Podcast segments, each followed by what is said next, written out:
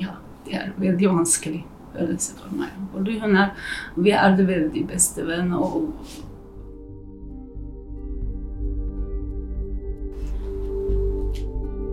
42 år gamle Melikesat Ablis har kjent bestevenninna si i 20 år. Men nå er det lenge siden de har snakka sammen. For pga. en chattemelding for tre år sia så fikk venninna ti års fengselsstraff i Kina. Og i et nytt tribunal om uigurene så forteller andre som har vært i samme type fengsel, om tortur og om grove overgrep. Du hører på Forklart fra Aftenposten. Jeg heter Anne Lindholm, og i dag er det mandag 28. juni.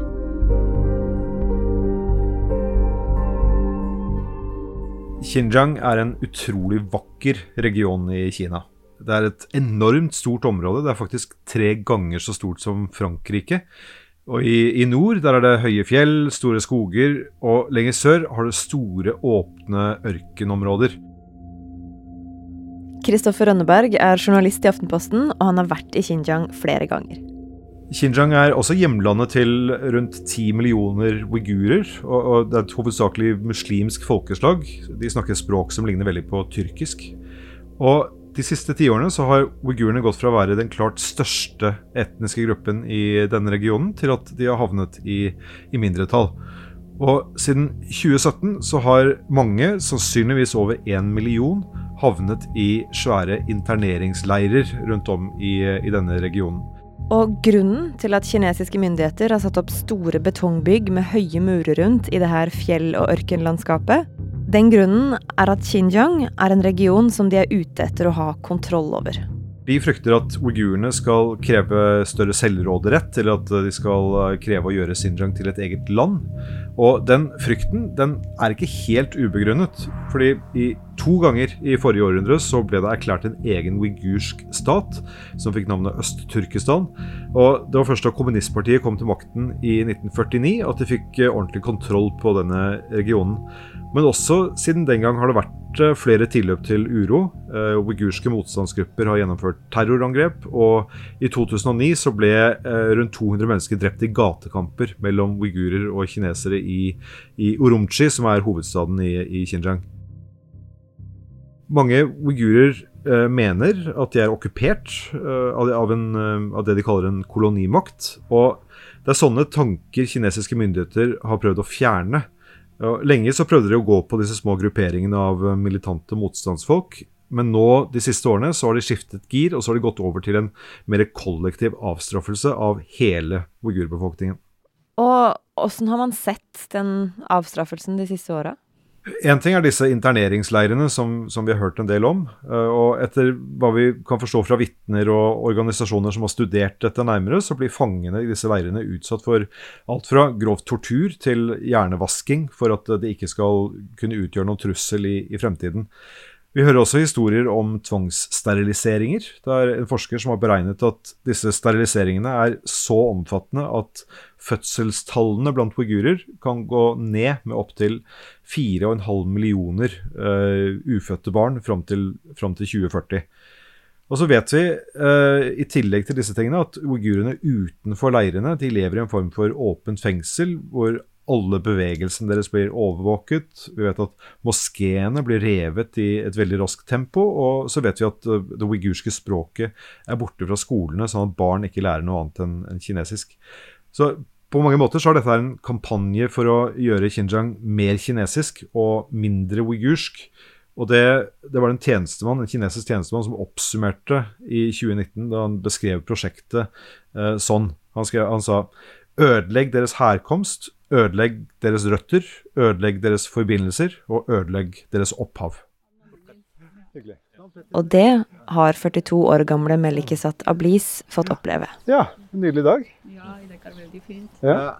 Så hyggelig å treffe dere. I like måte. Ja. Melkesat hun bor i en blokk i utkanten av, av, Drammen. og Hvis man går inn i leiligheten hennes, så kan man gå ut på balkongen. og Når man står der, så kan man se skogen så langt øyet rekker. Jeg kan, eh, altså jeg husker uh, Lagman. Veldig god mat fra, fra de siste årene har vært skikkelig tunge både for henne og for familien hennes. Hun kjenner mange som har fått merke hvordan kinesiske myndigheter har slått ned på uigurene i, i Xinjiang, eller Uiguristan, som, som hun kaller det. Nå bor hun jo i Norge. Hun har studert norsk og jobber deltid i en butikk. og Hun lever jo et trygt liv her, men det var ikke gitt at det var sånn det skulle bli.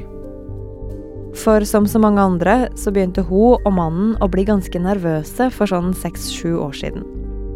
De hadde sett venner og familie bli arrestert, og var redde for at det samme skulle skje med dem. Så da ble det lagt en plan. Melkesat og mannen de jobbet hardt for å sikre seg alle papirene de trengte for å reise utenlands, og det tok lang tid og masse kontorer de måtte innom for å få de, de stemplene de trengte. Eh, og det var fordi myndighetene allerede hadde begynt å stramme inn eh, overfor uigurene i, i, Xinjiang. Men det var fortsatt mulig å, å bevege seg både innenfor i, i regionen og, og, komme seg ut av landet. Men for å gjøre det så måtte de ha en, en, grunn, og da fant de opp en historie som de fortalte myndighetene. Og den historien var at de hadde lovet sønnen sin at han skulle få se Barcelona spille fotballkamp, og derfor så måtte de til Spania. Så det var den historien de serverte myndighetene at sønnens store drøm var å se Barcelona spille. Og det funka. De fikk bestilt seg flybilletter og kom seg ut av Xinjiang, ut av Kina. Og etter at de kom seg ut av Kina, så bestemte de seg for å dra til Norge. Og det var fordi de kjente folk som, som var her allerede. I dag har de asyl. Han har fått seg jobb, barna går på skolen, alle snakker bra norsk. Og de har landet skikkelig i, i sin nye hverdag her i Norge, da. Men Melkisat hun klarer ikke helt å slappe av likevel. Hun tenker mye på situasjonen hjemme, og alle hun flyktet fra.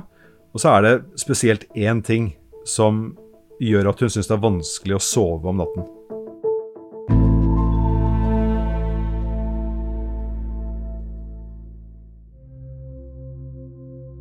Vi hadde sammen uh, uh, Hva kan vi si på norsk? Det er, vi har samme interesse. og vi, vi, har, vi, vi prater alt. Vi, vi, hjelper hverandre. Da vi kom til leiligheten i, i utkanten av Drammen, så, så viste Melika satt meg et bilde. Og på dette bildet så er det to kvinner som har pyntet seg til fest. De er sminket, de har på seg fine kjoler, smykker. Hun ene har blomster i håret og en, og en hvit kjole, og det er Melkesat på bryllupsdagen. Eh, kvinnen ved siden av, det er Marhaba, som var forloveren hennes i bryllupet. Eh, så nære var de. De var bestevenninner. De møttes på universitetet og var masse sammen i, i årene etterpå. Så for Melkesat så var det å reise fra Merhaba det var noe av det tyngste eh, da hun skulle flykte fra Kina.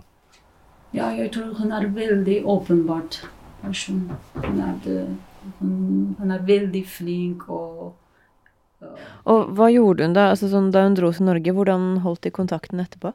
Det gikk mest i meldinger, og, og da helst via den kinesiske appen WeChat. Melkesat uh, fortalte om livet i Norge, og Merhaba fortalte om, om livet hjemme i Urumqi, og hvordan det gikk på jobben i, i billettluken på busstasjonen der hvor, hun, eh, der hvor, hun, jobbet. Og de chattet ganske ofte. Uh, som regel så handlet det bare om helt dagligdagse ting, fordi begge visste at kinesiske myndigheter kunne lese absolutt alt de skrev, og derfor unngikk de å snakke om, om mer sensitive ting. Da. Bare WeChat. Ja. Og de WeChat noen dager hun bare ringer meg og vil møte meg med kamera. Jeg, jeg fortalte henne hvordan jeg var i Norge. og ja, og hun også fortalte. Fordi de ikke kunne snakke åpent, så brukte de en del koder i, i språket i, i chattene sine. Og en dag i 2017 så brukte Merhaba et uttrykk som gjorde at Melkesat skjønte at venninnen hennes hun var i alvorlig trøbbel. Da hun hadde litt krangel med politiet, hun sa at kanskje jeg skal gå til en Og det uttrykket hun brukte, det var 'jeg er redd for at jeg må på skole'. Hun sa at kanskje jeg skal til skole, sånn ord. Jeg forstår ja. hvilken situasjon skole i denne sammenhengen, det tolket Melkesat, og det viste seg at hun hadde helt rett, som en av leirene som av kinesiske myndigheter ble omtalt som utdanningssenteret.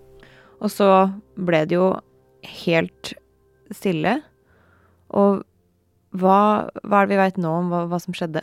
I fjor så, så ble det lekket noen hemmelige rettsdokumenter fra uh, Urumqi, altså regionhovedstaden i, i Xinjiang.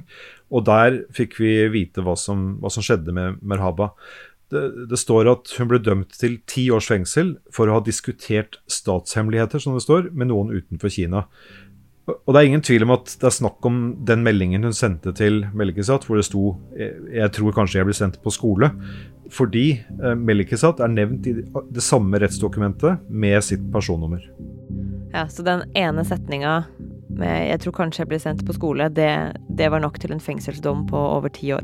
Rett og slett. Og, og, så ser vi også fra disse dokumentene at det går inn i en uh, altså det er, det er ikke helt uvanlig at folk har blitt fengslet for sånne ting. Uh, og vi vet også at uh, i tillegg til at folk har blitt plassert vilkårlig i disse interneringsleirene, altså over en million mennesker, så er det veldig mange som også har blitt dømt i rettsapparatet.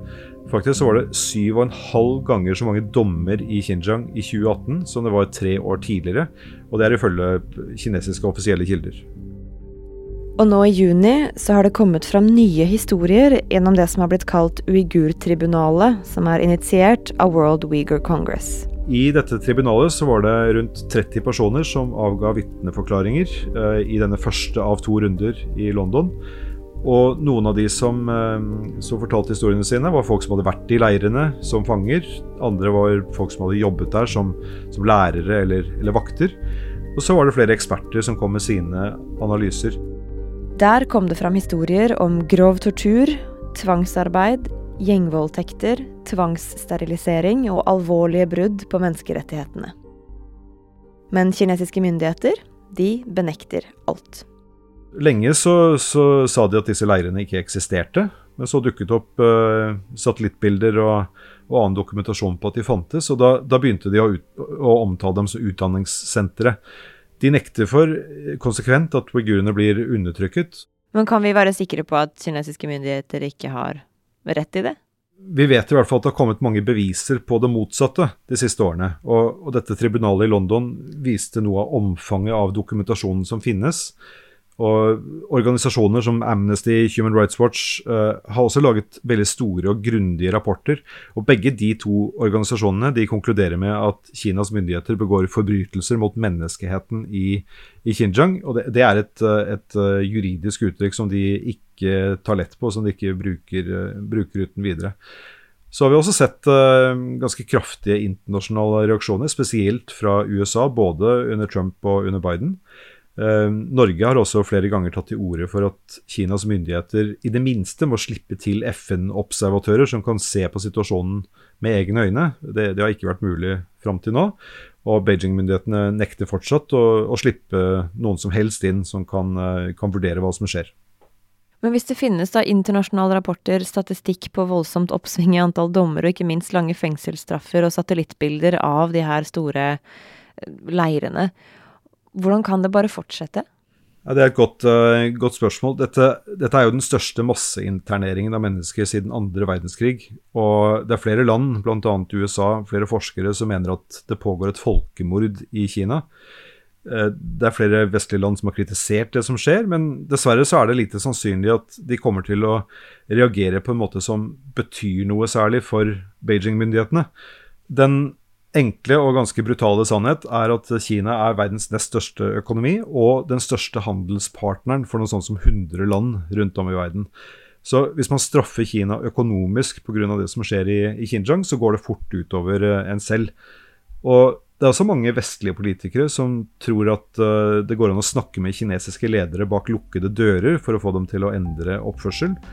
Men dessverre så er det lite som tyder på at den tilnærmingen har gitt eh, noen særlige resultater de siste tiårene.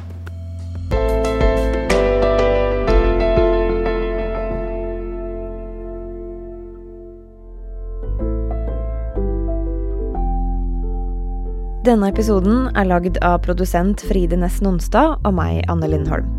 Resten av Forklart er Guri Leiel Skedsmo, Marit Eriksdatter Gjelland og Ina Swann. Vi har tatt kontakt med den kinesiske ambassaden i Norge. De understreker bl.a. at Kina er en rettsstat, og avviser at folk blir fengsla på ugyldig grunnlag. De mener de har for lite informasjon til å kommentere historien til Melikisat og venninna, men understreker at loven beskytter privat korrespondanse. De avskriver hele uigurtribunalet og sier at det er et politisk show som holder høringer om århundrets løgn som fornærmer minnet til faktiske ofre for folkemord. Til slutt så skriver de at a repeated lie can never become truth.